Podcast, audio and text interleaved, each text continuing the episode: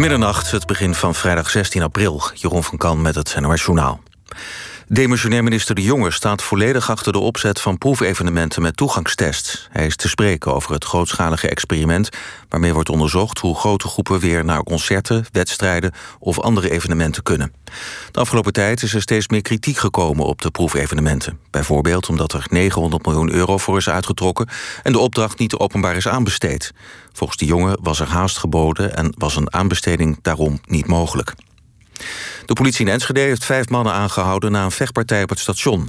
Agenten namen ook een mes en twee nepvuurwapens in beslag.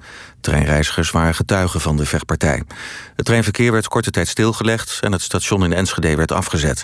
Onduidelijk is nog wat de aanleiding was voor het conflict. Een 32-jarige man uit Amsterdam is veroordeeld tot vijf maanden cel en tbs voor het dreigen met een terroristische aanslag op de Gay Pride in de zomer van 2020.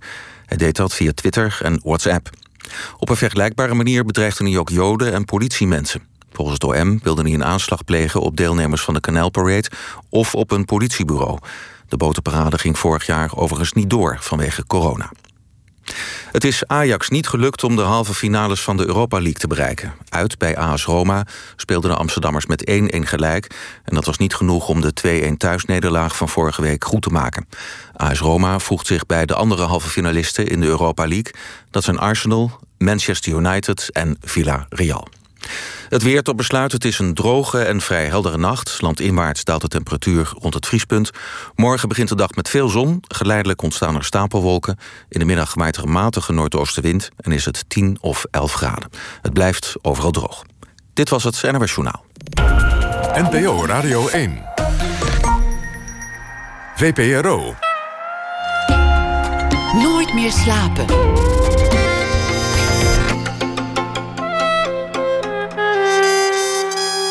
Met Pieter van der Wielen.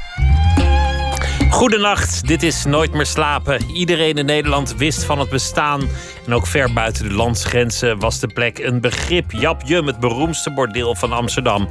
Een plek waar de rijken en beroemden hun successen vierden. Geniale anekdote uit de film. Er waren drie soorten champagne: zilver, goud en diamant. En de prijs, pin me er niet op vast, 350, 500 of 750 gulden. Het verschil tussen die champagnes, niets. Alleen de prijs. En toch zei iedereen daar: Doe mij maar de duurste. Ik heb iets te vieren. Anna van het Hek is hier en zij maakte de documentaire over de ondergang van een bordeel. Over hoe de maffia het geleidelijk aan overnam en bedierf. Anna Maria van het Hek. Filmmaker, haar vader Joep, die woonde ooit tegenover Jabjum en maakte daar nog een hilarische sketch over. Anna is van 1988, ze is filmmaker, maakte ook een serie van drie delen over de beroemde kickbokser Bader Hari. En ze maakte ook een korte film, The Amazing Agency, die zich afspeelt in het nachtleven van Amsterdam. Anna, welkom. Leuk dat je, dat je bent gekomen. Ja, leuk om hier te zijn. Wat was eigenlijk je, je gedachte toen je, toen je besloot om een film over Jap Jum te maken? Uh, je bedoelt hoe het begonnen is? Ja, het... wanneer dacht je, goh, nou, dat is mijn onderwerp? Um, nou, ik was op visite in het museum. Want er was ineens een Jap Jum museum. Dat had ik ergens gelezen. En toen dacht ik, um, daar wil ik heel graag naartoe. En um, toen kwam ik daar. Ik was trouwens met mijn oma van 85, want ik had. Een dagje naar het bordeel met je oma van 85. Ja. Daar komt het eigenlijk op neer. Ja, mijn oma was jarig geweest en toen dacht ik, hoe, hoe kan ik haar nou iets leuks geven? En toen las ik dus, oh, dat, dat bordeel is nu een museum. Um, dat is een grappig cadeau om je oma dan mee te nemen naar een bordeel. Omdat ja, ik dacht, het is heel leuk om dan een foto van haar te hebben op zo'n bed daar. Dat leek me grappig. Want, want alles ligt er nog eigenlijk. Ja, alles ligt er nog. Het bordeel is op een gegeven moment gesloten op last van de politie. Ja. Dat is op het journaal geweest ook toen. Dat was groot nieuws. En daarna is alles er gewoon blijven liggen. Een beetje vergane glorie. Een paar spinnenwebben hier en daar. Ja. De, ja, de jacuzzi zijn opgedroogd. Je ziet de kalkaanslag al vormen. Ja. De bedden liggen er nog. Ja. Dat, dat, is, dat is toch iets waar je van droomt. Zo'n plek dat ooit iets was en dat je dan de sleutel krijgt en je maakt het open, die deur.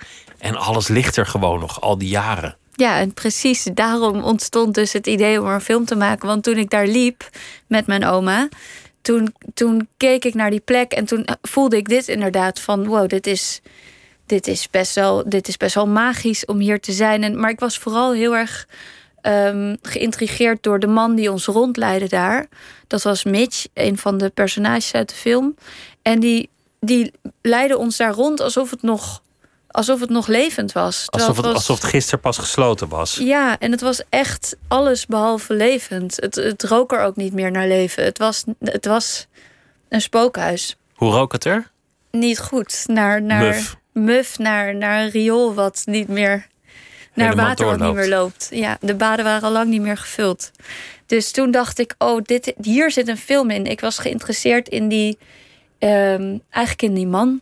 En ik was benieuwd naar of er nog meer mensen waren die zo terugverlangden naar deze plek. En dat vond ik ook zo dubieus, dat je terugverlangt naar een plek die zo bol staat van ellende ook.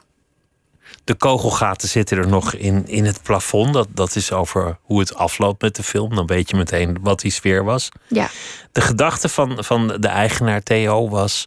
je moet homoseksuelen achter de bar hebben staan. Dan wordt niemand jaloers.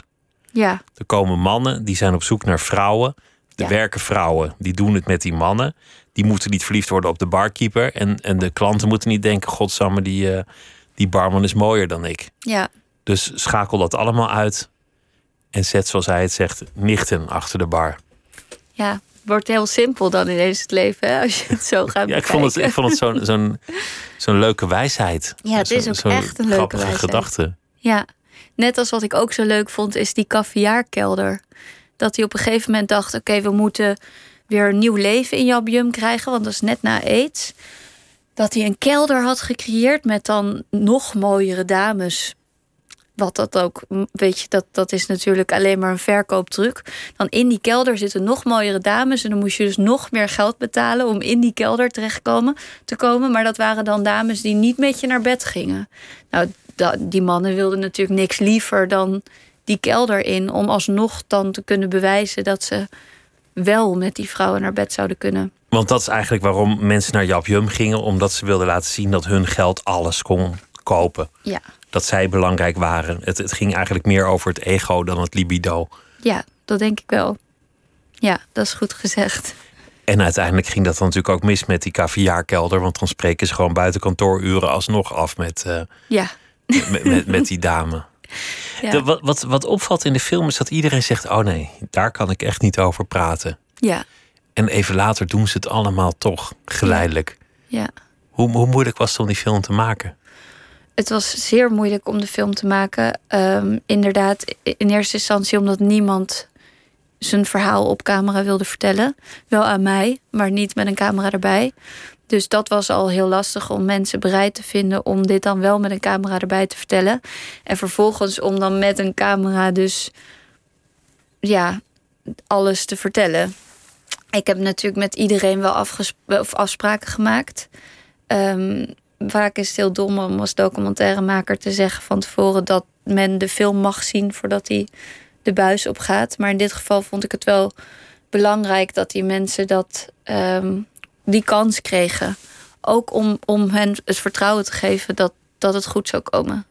Want prostitutie ligt gevoelig. Dus, dus er worden ook namen genoemd Ja, van beroemdheden. Er worden vooral heel veel namen niet genoemd. ja, Maar je kan, je kan gissen wat voor mensen daar kwamen. Ja, En, en ook echt hele beroemde mensen. Maar er is nog een ander aspect. Namelijk, het is gewoon gevaarlijk om, om dingen te vertellen. ja, Omdat het ging over de onderwereld. Ja. En een van de geïnterviewden zegt ook van... nou, ik kan nu nog rustig over straat. ja, Ik hoef niet steeds achterom te kijken. Dat wil ik graag zo houden. ja. Ik kan nog rustig in mijn autootje zitten. Ja, Hoeveel mensen heb je gebeld die zeiden... joh, ik doe hier niet aan mee. Bekijk het. Ja, heel erg veel mensen. Ik denk eh, rondom de 100. En ik heb ook eh, met heel veel mensen gepraat die, die ehm, ja, gewoon echt heel bang waren. En ik, ik heb in eerste instantie een beetje onderschat. Ik, ik dacht, ik, ik snapte die angst niet zo goed. Ik dacht, het is toch al lang voorbij. En die oude garde, die, zoals Theo het ook zei, die hebben elkaar allemaal al eh, uitgemoord. Want dat, ja, dat dacht ik. En Holleder zit vast. Weet je, wat kan er nou nog gebeuren? Maar toen ik er dieper in ging duiken en steeds meer mensen sprak, toen begreep ik pas dat die angst wel echt gegrond is. Nog steeds. Laten we teruggaan naar het, naar het begin. Want ik zei in het begin, iedereen weet van Jap Jum. Iedereen kent het. Maar dan heb ik het een beetje over mijn generatie en alles daarboven vermoedelijk. Hmm.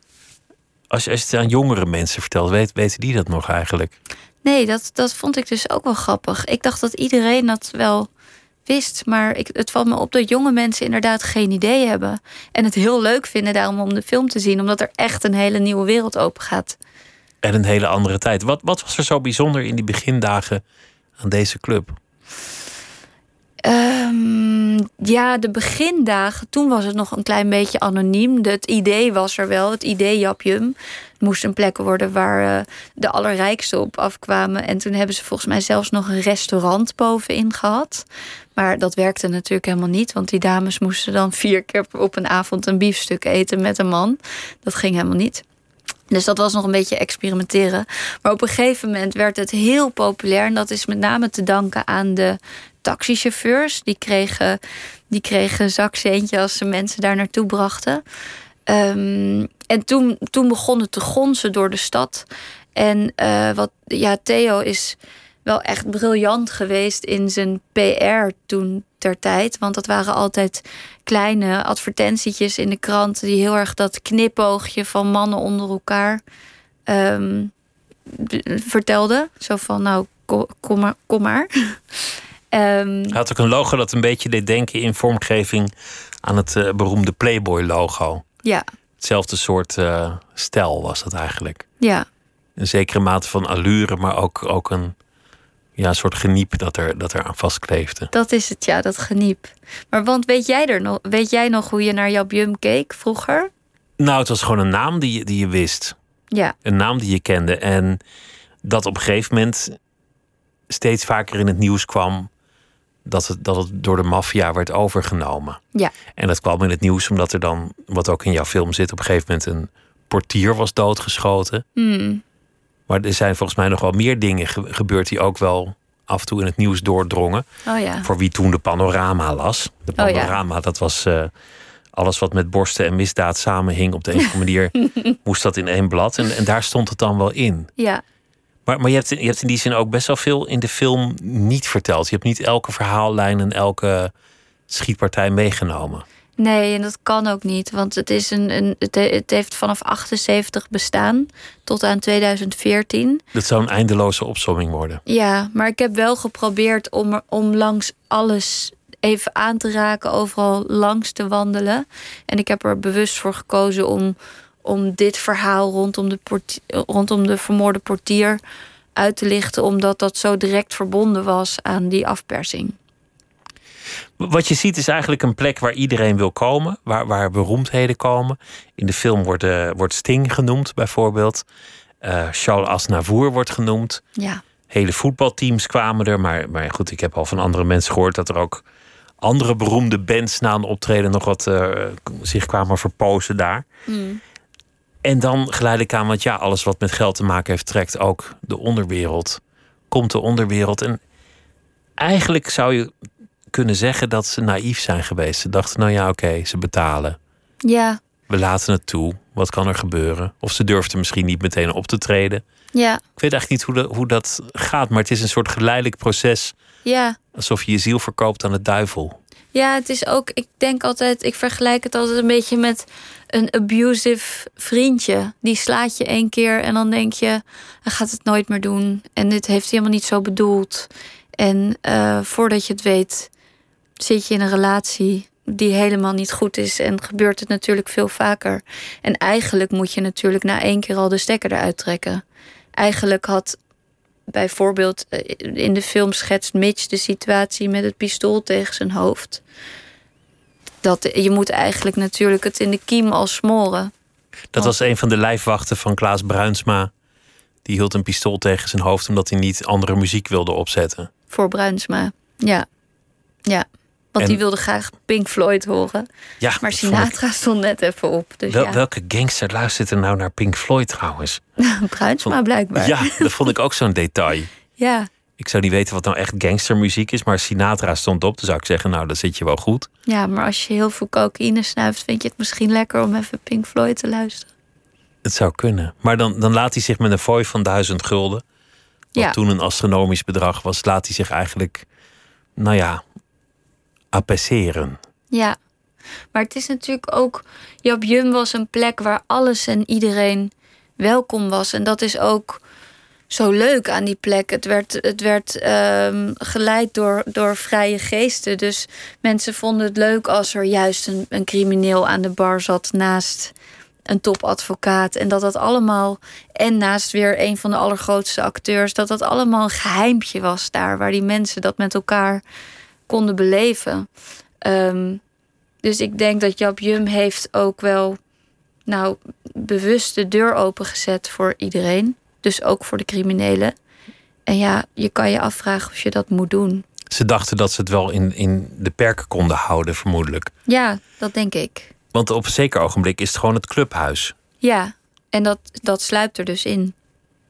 En dat is ook, dat vond ik ook interessant zelf om te merken dat al deze mensen zijn er gaan werken met het, met, met het idee, nou daar kan ik heel veel geld verdienen, want dat, dat kon.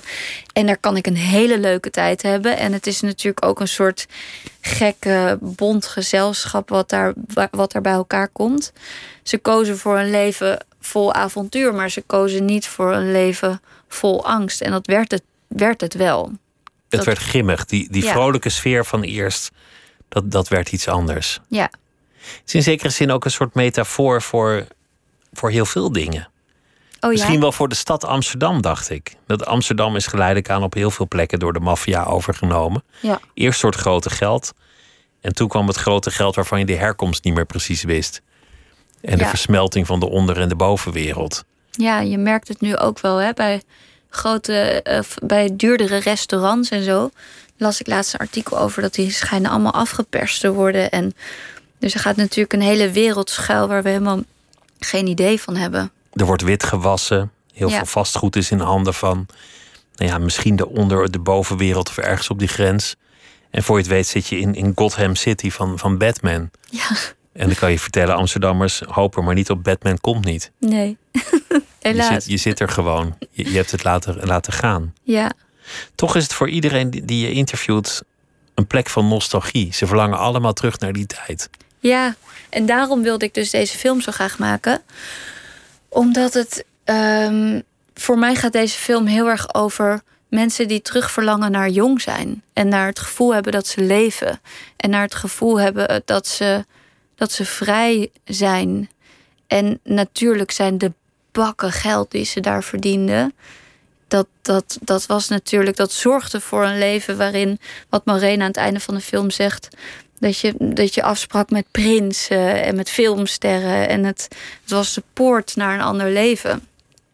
Terwijl het voor, voor, die, voor die vrouwen, ja, dat is natuurlijk een, een discussie waar je gelukkig ook een beetje wegblijft. Van in hoeverre prostitutie nou vrijwillig is of niet. En, en al dat soort dingen. Ja, Maar die vrouwen vertellen wel hun verhaal. Althans, de vrouwen die jij hebt kunnen interviewen.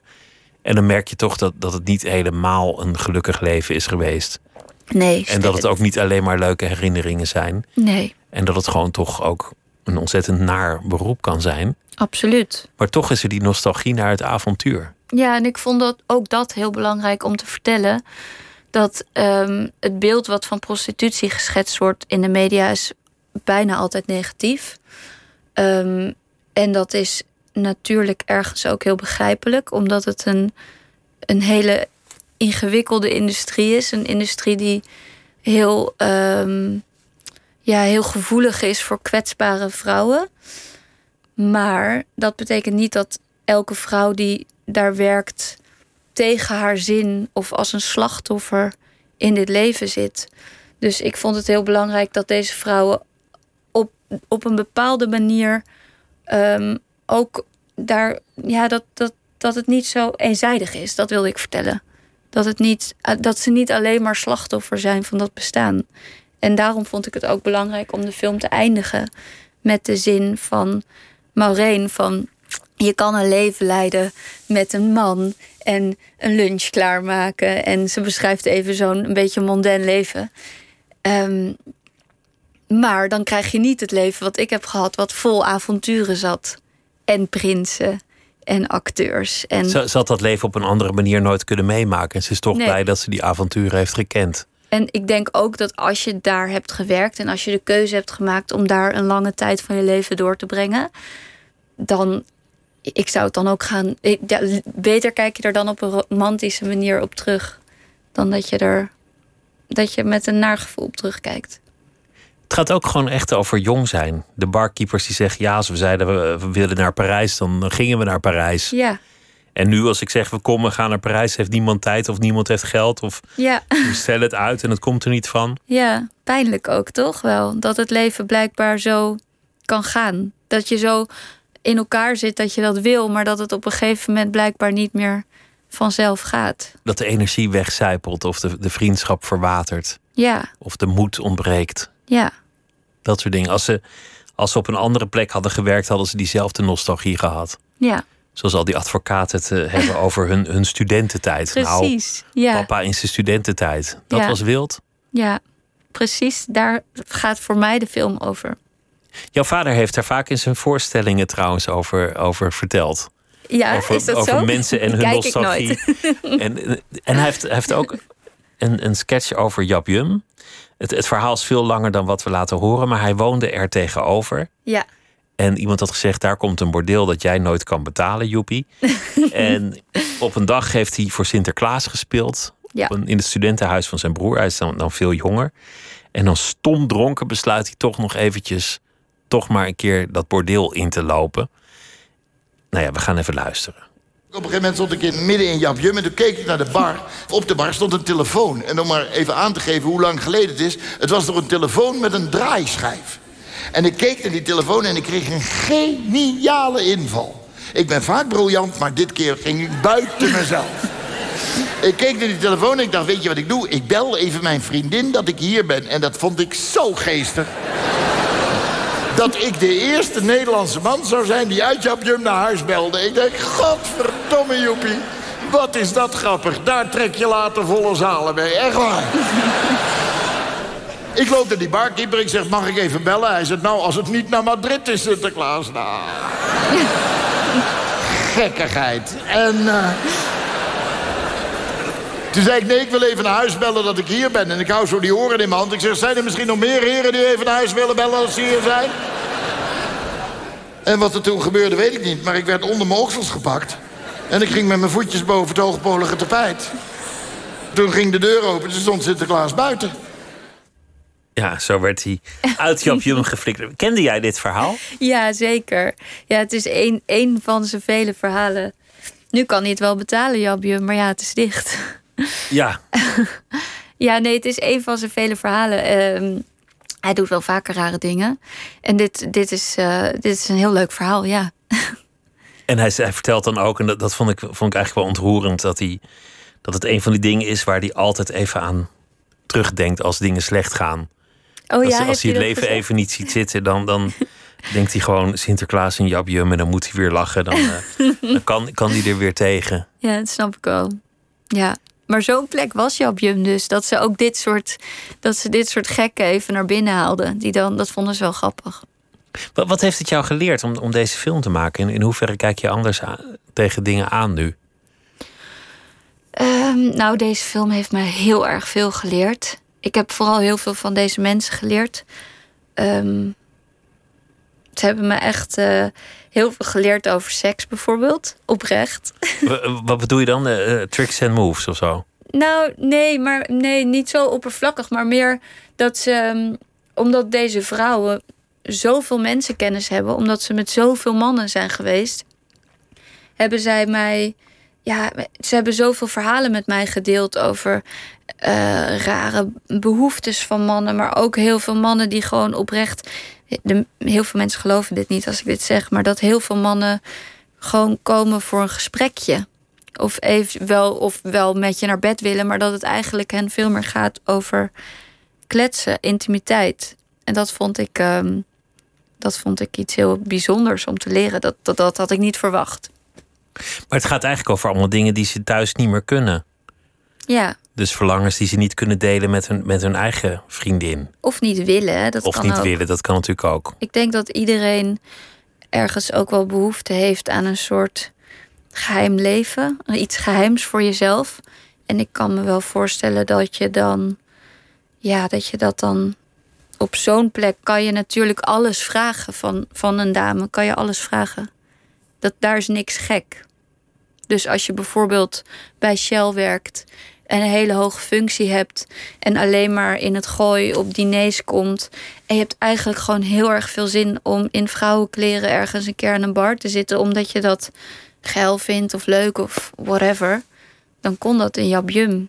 Even jezelf zijn of, of je fantasie leven. Ja, Zoals de man die voor een, voor een, ja, wat was het, een bedrijf in hekwerken werkte, iets hoogs, en die, die dan in prikkeldraad ja, wilde worden vastgebonden daar. ja. Terwijl hij de hele dag prikkeldraad verhandelde. Ja, het is natuurlijk een geestig verhaal.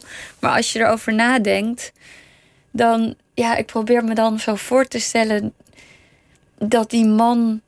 die moet ook wel eenzaam zijn geweest in de behoefte... en dat waarschijnlijk niet met zijn eigen vrouw heeft hij dat kunnen delen. Dus dan maar op zo'n plek en dan lig je daar aan een verwarming in het prikkeldraad. Maar blijkbaar vond hij het heel fijn, want hij wilde steeds nog een uurtje erbij. Dus ja, Het is eigenlijk een heel droef beeld van de mensheid dat je schetst. Dat je, dat je maar een korte tijd jong bent en daar de rest van je leven naar terug verlangt. ja, En dat je eigenlijk maar op weinig plekken jezelf kan zijn. En dat je dat je, je werkelijke verlangens verborgen houdt. En leeft in dromen. En dan af en toe één kleine escapade waar je kan acteren dat je daar bent waar je altijd al had willen zijn. ja, als je het zo schetst, klinkt het inderdaad heel verdrietig. Ja, maar ik vrees dat het een beetje zo is. Ja, Dat Ja, veel mensen zich in een bepaald leven hebben laten sjoemelen. dat denk ik ook. En daaraan vasthouden en, en dat dan maar gewoon voor lief nemen. En dan, nou ja, één keer het spaargeld er doorheen jassen in japjum. En dan eh, Ja, moet je het daarmee doen. ja, Sneu beeld, joh. ja, eigenlijk wel, hè? Ja, toch? Ja. Ik denk dat de mensen die daar werkten, die kozen, denk ik, heel bewust voor een leven wat dwars stond op dat gewone leven, wat heel veel andere mensen om hen heen En zij kozen voor deze rare familie, waarin ze een soort, soort ehm lifehack hadden gevonden om heel veel geld te verdienen. En, maar ja, het was maar tijdelijk. Dat bleek. Dat, je kan daar niet. Dat bestaat helemaal niet, zo'n plek. Het was bijna too good to be true. Jouw eerste film, die korte documentaire, die ging over iets soortgelijks. Over, over een, een, een groep mensen in het uitgaansleven. Ja, een soort agency van, van wilde personages. Mensen die misschien best wel minimale levens hebben. Of niet, niet heel erg interessante levens. Maar s'nachts zich uitdossen en dan hun grootste fantasie leven. Ja, Het is eigenlijk een soort, soort vergelijkbaar thema. zeker. Ik vind dat ook een interessant thema. Het gaat eigenlijk ook wel over escapisme. Ja, Hoe, hoe is jouw eigen houding tegenover over het, het burgerlijk bestaan eigenlijk? heb, je, heb je daar vrees voor? ja. Ja, ik heb daar zeker vrees voor. En ik denk ook wel dat ik daarmee ben opgevoed. Met vrees voor, voor het burgerlijke bestaan. En ik weet niet of dat per se goed is om daar een vrees voor te hebben. Want uiteindelijk maakt het natuurlijk allemaal niet uit wat je doet met die korte tijd op aarde.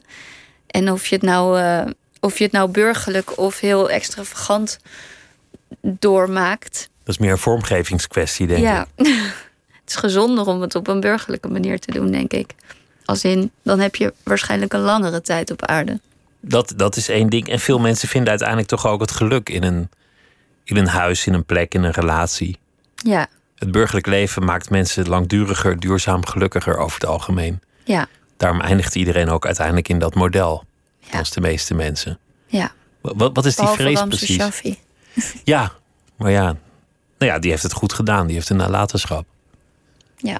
Die heeft mooie muziek nagelaten. Maar wat, wat is die vrees eigenlijk precies? En wat is burgerlijk?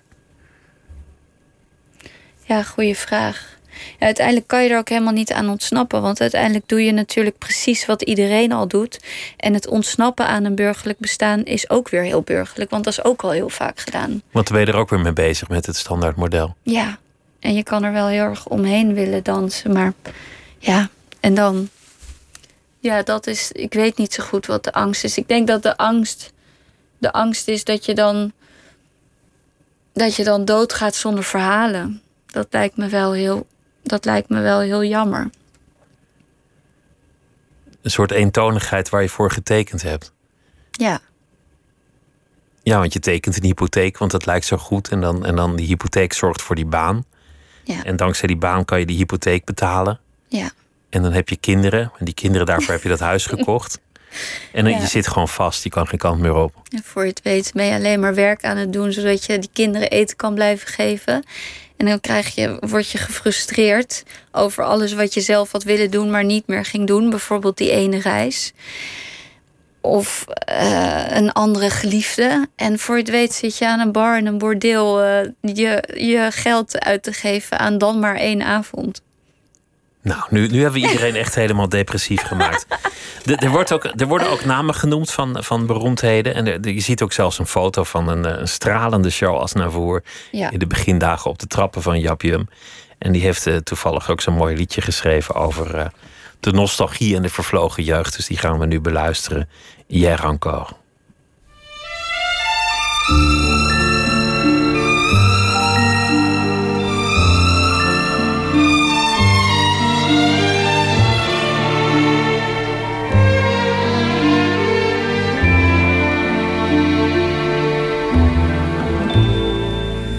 Hier encore, j'avais vingt ans, je caressais le temps et jouais de la vie comme on joue de l'amour et je vivais la nuit sans compter sur mes jours qui fuyaient dans le temps.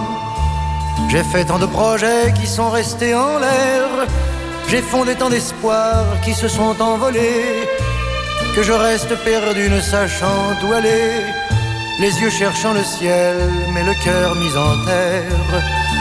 Hier encore, j'avais vingt ans, je gaspillais le temps en croyant l'arrêter et pour le retenir, même le devancer. Je n'ai fait que courir et me suis essoufflé, ignorant le passé, conjuguant au futur. Je précédais de moi toute conversation et donnais mon avis que je voulais le bon pour critiquer le monde avec des involtures. J'avais vingt ans, mais j'ai perdu mon temps à faire des folies qui ne me laissent au fond rien de vraiment précis que quelques rides au front et la peur de l'ennui. Car mes amours sont mortes avant que d'exister. Mes amis sont partis et ne reviendront pas. Par ma faute, j'ai fait le vide autour de moi. Et j'ai gâché ma vie et mes jeunes années. Du meilleur et du pire en jetant le meilleur. J'ai figé mes sourires et j'ai glacé mes pleurs. Où sont-ils à présent? À présent, mes vingt ans.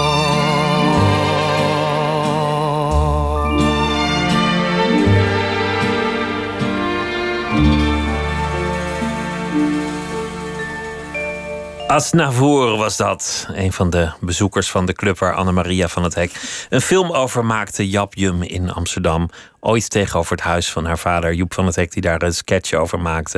Het is een verhaal over vervlogen jeugd, over veranderende tijden en zeden. En over hoe de onderwereld een bordeel overneemt. En niemand die nog weet hoe daaraan te ontsnappen.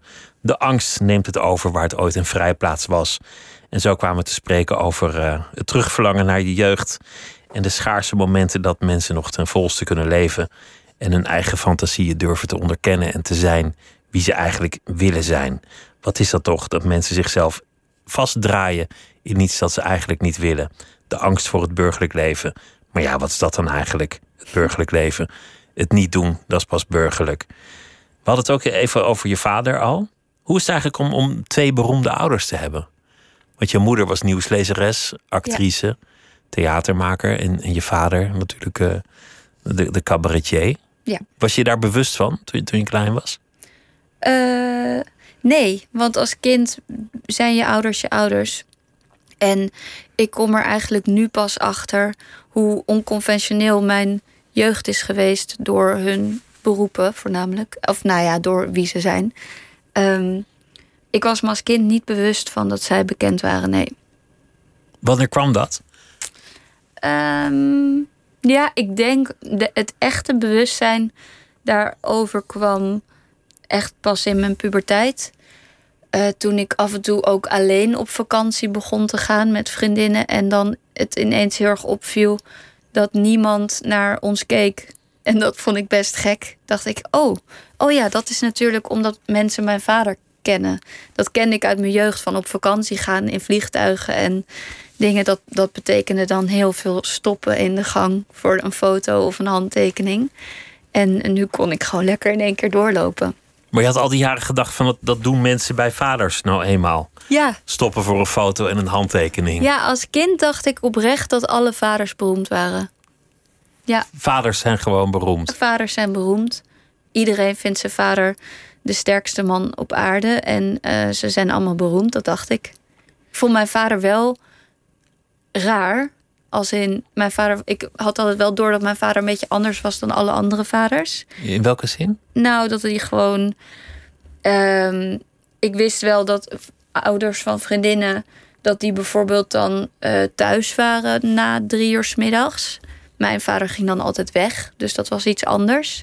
En um, mijn vader die kon altijd urenlang kletsen met de kinderen om mij heen. En dat konden andere vaders niet zo goed. Dus hij had gewoon een ander karakter een beetje. En later kwam ik erachter dat hij gewoon ja, een typische artiest is wat dat betreft. En dat hij van, van zijn karakter uh, krachten en zwaktes eigenlijk zijn beroep heeft gemaakt. Absoluut, ja. Want de laatste keer dat, dat hij hier was, toen zei zijn vader tegen hem, dat vertelde hij... Uh, als, je, als je komiek wordt, dat is goed, maar zorg dat een deel van het publiek je haat.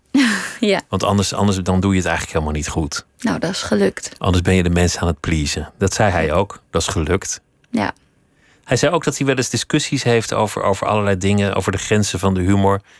Ook met zijn kinderen. Ja, dat klopt. Wat, wat voor discussies zijn dat? Nou, dat zijn um, discussies over. Hij is natuurlijk iemand die best wel provoceert. En hij is iemand die vindt dat hij alles moet kunnen zeggen. Wat ook goed is. Grappen ten koste van alle groepen en daar moet je niet. niet ja, te daar veel moet je niet te tuttig over doen. En hij, hij ziet deze tijd als tuttig, een beetje, denk ik. En ik denk daar misschien iets genuanceerder over. Of ik kijk daar anders naar. Hij is iemand die ook heel genuanceerd naar de dingen kijkt. Maar ik kijk daar dan anders naar. En daar hebben we dan goede discussies over. Hoe gaat dat dan, zo'n zo'n discussie? Mm, nou, bijvoorbeeld als hij een column heeft geschreven of als hij uh, een, uh, aan het try-out is voor zijn nieuwe show en als hij dan bepaalde woorden gebruikt waarvan ik denk, nou, het is 2021. Dat wordt, weet ik nu al dat dat niet begrepen wordt door iedereen zullen we daar even over hebben? Dan zegt hij al gauw, ja, maar ik hoef ook helemaal niet begrepen te worden door iedereen. En dit is hoe, wat ik. Nou goed, en dan wordt dat steeds. Uh, dan, dan wordt dat steeds. Uh, dat gesprek ontwikkelt zich dan dat tot een discussie. dat wordt fel. Nou, dat is dan, vast een voorschot op wat er dan even later in de media gebeurt. Ja, en dat vindt ja. hij dan ook wel weer. En dat vind ik dan ook wel weer inspirerend. Dat hij vindt dat allemaal heel grappig. En hij kijkt daar niet, hij schrikt daar niet heel erg van. Of hij wordt daar niet. Uh, ja, ik vraag me heel soms af wat het nou echt met hem doet. Maar volgens mij vindt hij geniet van de commotie ook wel. Dat hoort natuurlijk ook bij cabaretier zijn. Dat je het leuk vindt om een beetje op te schudden. Maar hij ligt er niet wakker van in ieder geval. Nee, die indruk, die indruk krijg ik wekt, niet. wekt het niet allemaal. Maar hij zit ook al lang in het vak, hè? Dus Ja, dat joh, is die, het heeft, ook. die heeft elke shitstorm alles over zich heen gehad. Ja, Is, was het dan voor jou makkelijker om een creatief beroep te kiezen? omdat ik twee creatieve ouders heb. Ja, omdat je dat al een beetje kende. Nou ja, ik denk dat het daardoor wel vanzelfsprekender is om de creatieve kant op te gaan. Ik heb oprecht nooit overwogen om een andere kant op te gaan. Ehm, dus ja, dat is denk ik wel makkelijker dan.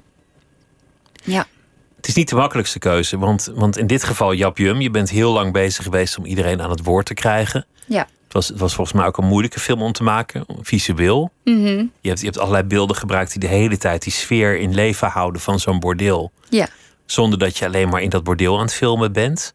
Dus er zitten beelden in van slangen, van, van zwemscènes. ja. Heel mooi gedaan, vond ik. Dank je. Maar er zit, er zit ook ontzettend veel werk in. Je, je hebt een film gemaakt die, die ook nog steeds op allerlei plekken te zien is over, over Bader Hari in, eh, Ja. in drie delen, de, de kickboxer. Ja, Dat, dat lijkt me in veel opzichten ook een moeilijke film om te maken. was zeker een moeilijke film om te maken.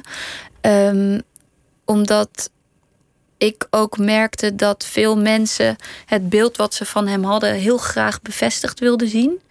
En ehm, in mijn research en mijn gesprekken met hem kwam ik erachter dat ik heel anders naar hem keek dan het beeld wat mij was voorgeschoteld altijd. Ehm, dus dat beeld kon ik niet schetsen over hem. Ik kon niet het stereotype beeld geven wat, uh, wat er was. Ik vond, ik vond het bij mezelf bijna angstaanjagend om te merken dat zo'n beeld in je hoofd geïnjecteerd is. Van, oh ja, dat, dat is een, een agressieveling of een, of een soort bad guy of een boef. Ja. En in deze film zie je dat, dat alle kanten in hem zitten. Zoals in de meeste mensen. Ja, want we hoeven niet te ontkennen dat die boef zit er natuurlijk ook in. En hij heeft wel degelijk hele nare dingen gedaan. Dus. Ehm, maar die constatering sec is niet zo interessant. Als je, als je daarmee eindigt. Precies. Heb je niet zo'n mooie film gemaakt. Nee, en dan. Ja, wat vertel je dan inderdaad? En ik vind het veel interessanter. En zeker in de tijd waarin we leven. Om, om mensen. Ja, wat, wat meer. Wat, om het wat meer van twee kanten te belichten. Het is niet zo zwart-wit allemaal. Hoe was het om dat te filmen? Want je zit tegenover een, een man, maar ook tegenover een soort vechtmachine. En, ik en zit man... tegenover een vechtmachine, tegenover een man, een, een macho man, maar ook een hele gevoelige man. En dat is iets wat veel mensen, denk ik, niet van hem weten. Of ik denk dat zijn, zijn fans uh, weten wel dat hij bijvoorbeeld uh, snel geraakt kan worden door muziek. Want hij is regelmatig is hij opgekomen met tranen over zijn wangen. Um, maar hij is echt super emotioneel. Ja. Maar jij, jij vraagt hem alles. Je, je zit ook tegenover hem op momenten dat het heel slecht met hem gaat. Dat, ja. dat, hij, dat hij echt driftig is. Een woedeaanval, die, die wordt op een gegeven moment ook gefilmd. Ik weet niet of dat beeld was dat je gebruikt hebt of dat dat beeld was dat jullie zelf gedraaid hebben. Nee, dat was archief inderdaad. Dat was archiefbeeld. Ja. Maar goed, je, je, je zit daar toch maar mooi tegenover uh, over die man. Ja. En dat is denk ik ook omdat ik zo'n klein meisje ben, is dat wel makkelijker voor hem geweest om zich open te stellen. Ik denk dat dat wel, dat dat wel scheelde. Ik denk dat als ik ook zo'n soort man was geweest, dat het ingewikkelder was geworden. Je ziet een man die, die in de ring probeert te vechten, die daar ontzettend fanatiek in is, maar je denkt steeds meer: volgens mij is je eigenlijke gevecht heel ergens anders. Je moet een ander gevecht eerst winnen voordat je dit kunt. Ja. En wat voor gevecht is dat dan? Dat is het gevecht met zijn demonen. met zijn eigen duistere kanten. Ja. Daar, daar gaat het over. Een man die, die niet alles in zijn leven heeft opgelost. En daarom niet in staat is om datgene te doen wat hij het liefste wil, wat hij het beste kan. Ja. Namelijk in de ring volledig daarop gericht zijn. Ja. En dan wordt het ongerichte agressie en dat is het laatste wat je kan gebruiken. Ja. Ja. Maar het is ook zo'n rare sport, hè, wat dat betreft. Dus je moet ook helemaal daar. Daarom heb ik ook die ene scène daar helemaal ingelaten. In, of helemaal, ik heb daar uren in die kleedkamer gezeten voordat de wedstrijd plaatsvond. Maar dat, dat inpraten, dat helemaal wat Mike dan doet, die trainer dat, dat vond ik. Uh, dat vond ik ook weer zo leerzaam. Dat dat dus zo gaat. Dat je daar dan zo helemaal. Dat je helemaal opfokt voor zo'n wedstrijd, maar ook op een, op een soort structurele manier. Ja. Goed gerichte agressie. Hou je van die sport? Heb je er iets mee? Nee, niet echt. Als in, ik vond het heel interessant om even een kijkje te mogen nemen in die wereld. En ik vond het zeer indrukwekkend. En altijd als het weer plaatsvond, kon ik mijn ogen er niet van afhouden. Maar ik ben niet iemand die alles in de gaten houdt in die sport. En nee. Maar waarom dat wilde je dan toch die film maken? Nou, omdat ik zijn karakter heel intrigerend vond. En ook inderdaad wat jij zegt, dat hij zo dat die, dat die demonen inderdaad zo in hem lijken te zitten. En dat hij daar. Dat hij daar ehm, ja, vooral in de documentaire die eerder over hem gemaakt is, zie je dat heel goed. En ik had dus ook verwacht dat dat nog steeds heel erg gaande was bij hem. Maar ik vond hem zo. Hij is zo rustig geworden. Zachter. zachter, zeker. Ja. Het is toch een gruwelijke sport, veel te gevaarlijk voor deze tijd.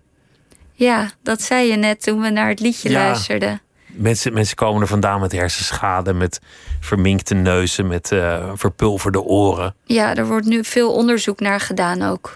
Naar... Het kan eigenlijk niet meer. Gladiatorengevechten zijn ook ooit gestopt. Ja. Ik vrees dat, dat dit over een paar jaar niet meer bestaat. Nee? Hoeveel nee. Er gaat wel veel geld in om, ja, hè? er gaat veel geld in. Maar in gladiatorengevechten zou veel meer geld omgaan als je het nu zou doen. Ja. Ja. Nou, laten we maar beginnen eerst met het stierenvechten afschaffen. En dan met kickboksen. Oké. ja, hoewel we eten elke avond steken en dan mag een stierengevecht weer niet. Vind, ja. ik, vind ik ook niet met elkaar te rijmen eigenlijk. Nee, dat staat er nergens op. Mensen zouden minder vlees moeten eten. Heb je een fascinatie voor de donkere kant van, van mensen? Absoluut, ja. Maar ik heb, ik heb fascinatie voor alle kanten in de mens. Alleen de donkere kant wordt vaak zo donker afgeschilderd. En ik vind het leuk om een licht te schijnen op de donkere kant en te laten zien dat het, ja, dat we, dat het allemaal dus niet zo zwart-wit is. Dat die donkere kant erbij hoort, dat je die moet omarmen. Ja, en dat het oké is om in vrouwenkleren aan een bar te willen zitten. Of dat het, ja, dat het, dat het, dat het bij het leven hoort gewoon. Om, om donkere verlangens te hebben misschien ook wel. Als het niet oké is, dan zijn ze er nog steeds. ze zijn er, ja. Dat is hetzelfde met de mening hebben over prostitutie. Absoluut. Er waren een paar mensen die reageerden op jouw film en die zeiden: Nou, ik ben heel erg tegen prostitutie. Ja. Maar uiteindelijk maakt het niet zo uit of je daar heel erg voor of heel erg tegen of heel erg ambivalent over bent, want het, het bestaat. Ja. Het heeft altijd bestaan. En het zou natuurlijk uh, zalig zijn als, als we in een ander universum zouden leven. waarin alle partners met elkaar hun seksuele verlangens kunnen uitspreken. En waarin mensen helemaal geen behoefte hebben om, om, te, om te ontsnappen aan hun, aan hun burgerlijke bestaan. Maar zo zit het leven niet in elkaar. Dus bordelen zullen altijd blijven bestaan. Zolang er geld is en seksualiteit, zullen er bordelen zijn, vrees ik. Ja, dus laten we dan kijken naar hoe we het zo goed mogelijk kunnen doen. En vooral hoe we natuurlijk zo goed mogelijk voor de vrouwen kunnen zijn die dit vak uh, hebben. Vind ik nu ook wel interessant met, met corona trouwens. Dat er in Nederland al een jaar officieel geen prostitutie meer is. Ja. En dat volgens mij onze, onze bestuurders ook echt geloven dat dat zo is. Ja. Vroeger leidden ze vanuit de Bijbel. Dan was het alleen maar belangrijk wat in het boek stond. En de rest moest daarnaar gehoorzamen. Ja. Toen was het wat pragmatischer. Nu zijn het de data, de modellen. Ze noemen het ook een dashboard. Ja. Alsof je op je metertjes precies ziet wat er in alle steegjes van het land gebeurt. Alsof jij aan de knoppen draait. Ja. Dat is een soort zoete bestuurdersdroom. Dat, dat je controle hebt. Volgens mij zijn heel veel mensen uh, moeilijk in staat om buiten hun eigen bubbel en ideeën en idealen te kijken. Omdat ze er ook niet naar durven te kijken. Nee. Wat ze het eng vinden. En ondertussen worden alle hotels, die staan natuurlijk leeg nu. Maar daar vindt dus heel veel prostitutie plaats. Nou, en dan eens in de zoveel tijd wordt zo'n hotel dan uh, betrapt. En dan wordt het helemaal leeggetrokken en dan krijgen ze een boete. Maar ja, weet je, je kan prostitutie helemaal niet verbieden natuurlijk. Dat werkt helemaal niet zo. Nee, maar het is, het is wel grappig dat, dat prostitutie een soort duidelijk scenario geeft voor waar de hele samenleving staat. Ja. Het is een beetje de kanarie in de kolenmijn van, van de rest van de maatschappij. Ja. Wat daar gebeurt, dat, dat geeft iets scherper weer wat op andere plekken gebeurt. Ja. Ja. Hoe zie je dat met, met het verdwijnen van prostitutie in Amsterdam? Want dat Red Light District, dat wordt ook geleidelijk aan ontmanteld. Ja, ingewikkeld, want ik ben een Amsterdammer.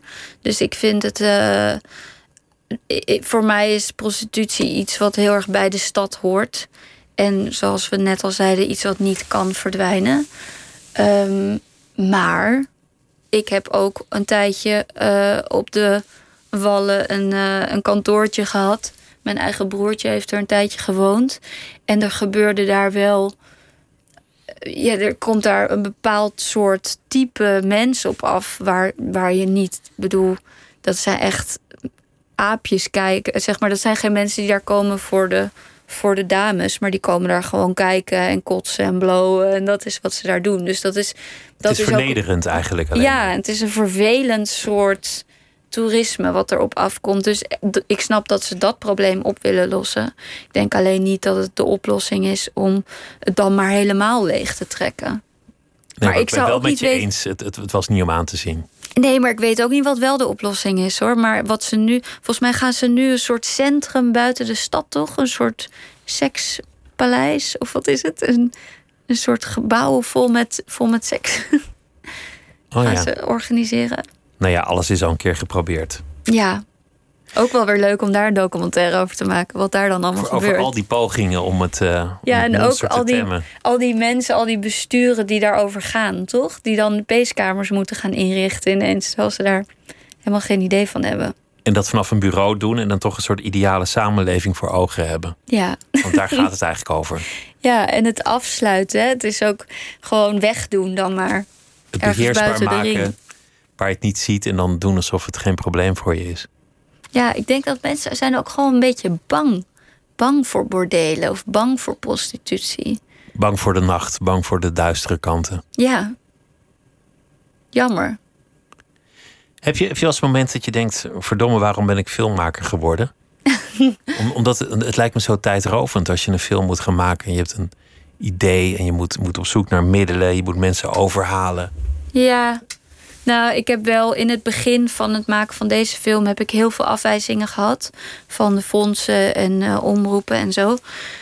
Eh, ik had een producent naast me die heel erg bleef geloven in de film. En dat is ook echt de reden geweest dat ik ermee door ben blijven gaan. Ehm, daar heb ik wel momenten gehad dat ik dacht: wat ben ik nou, waarom ben ik dit aan het doen? Dan zat ik weer ergens op zaterdagochtend in een bordeel met meisjes te kletsen en met, met klanten. En dan niet wetende of deze film door zou gaan. En dan denk je wel, ja, wat, wat ben ik nou eigenlijk allemaal aan het doen? Waarom zit ik hier? Maar ondertussen was ik er ook heel erg van aan het genieten. Want als je niet het plan hebt om zo'n film te maken, dan kom je niet op dat soort plekken terecht. En dan, ik, voor mij is film maken een tool om de mensen beter te leren begrijpen, het leven beter te leren begrijpen. En ik heb tot nu toe geen spijt gehad van, van de keuze voor dit vak. Je hebt meteen een legitieme reden om, om iemand aan te spreken en alle vragen te stellen. Ja, wat jij doet eigenlijk. Ja, hetzelfde, maar dan, dan zonder camera. Ja, Is, je, je was weer bezig met een nieuw project, ja, een, een film over liefdesverdriet. ja, Dat, dat is natuurlijk ook een prachtig onderwerp als je het hebt over de duistere kant van mensen. zeker. Ja, dat vind ik ook weer zo'n interessant onderwerp. Omdat, nou, er is nu de laatste tijd toevallig best wel veel wordt er over geschreven. Voornamelijk over mannen die stolken. En dat het voornamelijk mannen zijn die beginnen met stolken. Ehm, en ik heb dan heel veel zin om in plaats van naar mannen te wijzen, eh, daar juist in te duiken in stalkers en te kijken van wat beweegt je nou om dit te gaan doen en wat, wat Hoe gebeurt ontstaat er? dat? Ja, wat gebeurt er dan? Hoe komt dat nou? Want het, het, het lijkt op een soort obsessief gedrag. Zou mijn eerste gok zijn. Ja. Maar ik zou, ik zou ook niet een film willen maken waarin ik zeg dat het helemaal oké is om dat te doen. Maar het is natuurlijk fijn als we elkaar wat beter begrijpen. Dus als je dat gaat onderzoeken hoe zoiets ontstaat. Heb je zelf wel eens gruwelijk liefdesverdriet aan de hand gehad? Zeker. En, en hoe ver ging het? Wat, wat, wat was het slechtste moment van je? Nou, het slechtste moment is De bodem, zeg maar.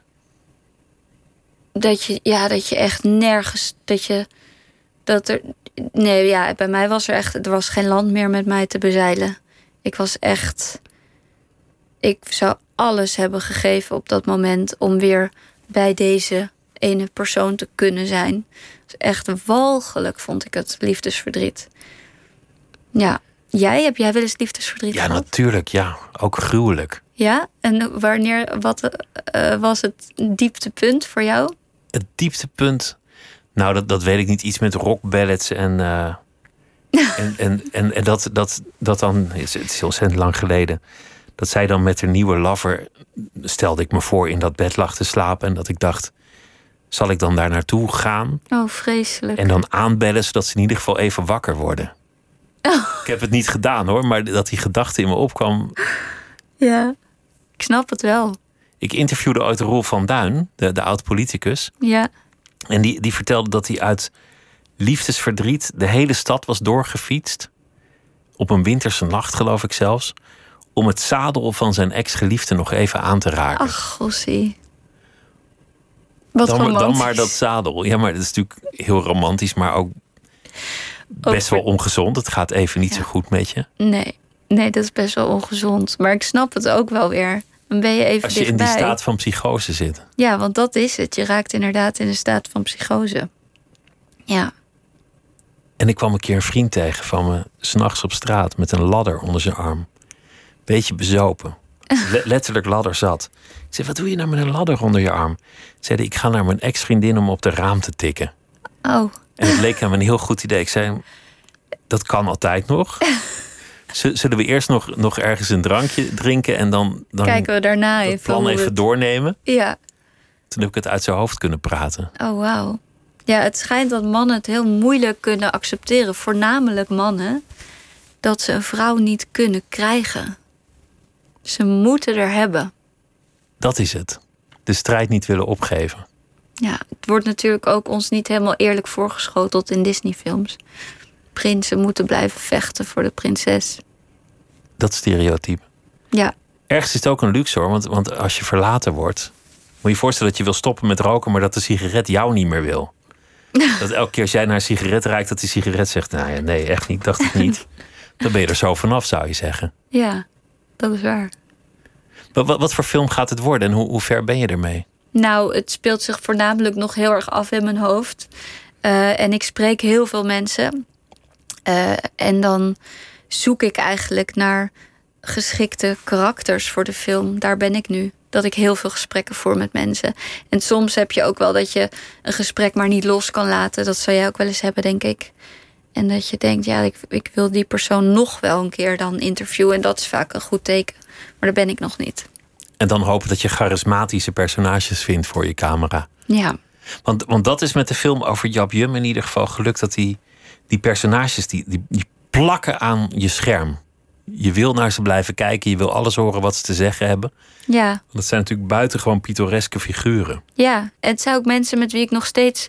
Ik heb nu, nu al zin om weer met ze op pad te gaan. Het zijn echt hele leuke mensen allemaal. Je houdt ook contact met ze. Zeker. Ja, we gaan maandag ook allemaal samen kijken. Hoop ik althans. Want, want maandag is de film op, eh, op televisie. Mag natuurlijk eigenlijk niet. Met corona mogen we niet samen kijken. Nou ja, als, als het ging om dingen die mogen en niet mogen, dan was die hele film er natuurlijk niet gekomen. Dat is waar. Dus, dus dat zou ik gewoon lekker doen met een beetje gezonde afstand, eh, wellicht. Ja. Maar waar wil je zijn over, over vijf jaar als, als filmmaker? Heb je daar een plan van? Mm, nou, nee hoor, niet per se. Ik kijk wel waar het, eh, waar, waar het leven me naartoe leidt. Maar je hebt wel je métier gevonden in ieder geval. Ja. Er zit in die film die over het nachtleven maakte ook zo'n zo'n wending dat een van de personages terminaal ziek blijkt te zijn. Ja. En dan juist in het, in het aanschijn van die ziekte, dan merk je dat wat hij doet precies is wat hij moet doen. Het geeft alles wat hij doet een extra waarde. Ja, zo werkt het natuurlijk ook. Eigenlijk is dat hele nachtleven en daarin vluchten, is naar mijn idee, naar mijn idee altijd een angst voor doodgaan. Dat je wil gewoon leven. Leven, leven, leven. Niet nadenken over de dood. En als de dood dan op je pad komt, ik denk dat het in heel veel gevallen zo werkt. Ik heb dat nu van vrij dichtbij gezien. Ja, dan, dan is er eigenlijk is een, een, een angst die minder. Het is minder erg als het zo direct voor je staat dan. Als het abstract is. Ja, En Amsterdam heeft, de hele wereld heeft al een jaar geen nachtleven meer. nee. Dat is niet officieel. Ik denk dat het trouwens een hele grote teleurstelling gaat worden als alles weer. Dat, ik denk dat we even een paar nachten heel veel gaan feesten. En dan denken, god, wat is dit saai. Vonden Ja. we dat vroeger leuk? Ja, een beetje eh, is, is dat alles wat er is gevoel. Ik denk dat we zo erg ernaar verlangen. Het is nostalgie geworden. We hebben het allemaal mooier gemaakt dan het, dan het was. Ja, misschien wel. Die oude wereld was eigenlijk helemaal niet zo spannend. Nee, en die kater komt ook weer. Oh god, daar verheug ik me ook niet op. Dankjewel dat je te gast wilde zijn. En eh, de film die is, eh, zeg nog even, dinsdag te zien op televisie. Nee, maandag. Maandag, zei je. Ja. Maandag eh, te zien over Jap Jum. Anna van het Hek, dankjewel. Het was een eh, genoeg om met je te praten. Jij Dankjewel. bedankt. En zometeen op eh, NPO Radio 1 kunt u luisteren naar Miss Podcast. Een hele goede nacht.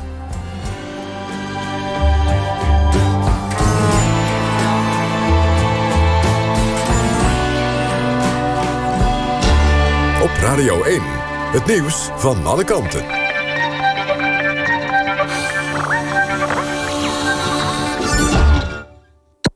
NPO Radio 1.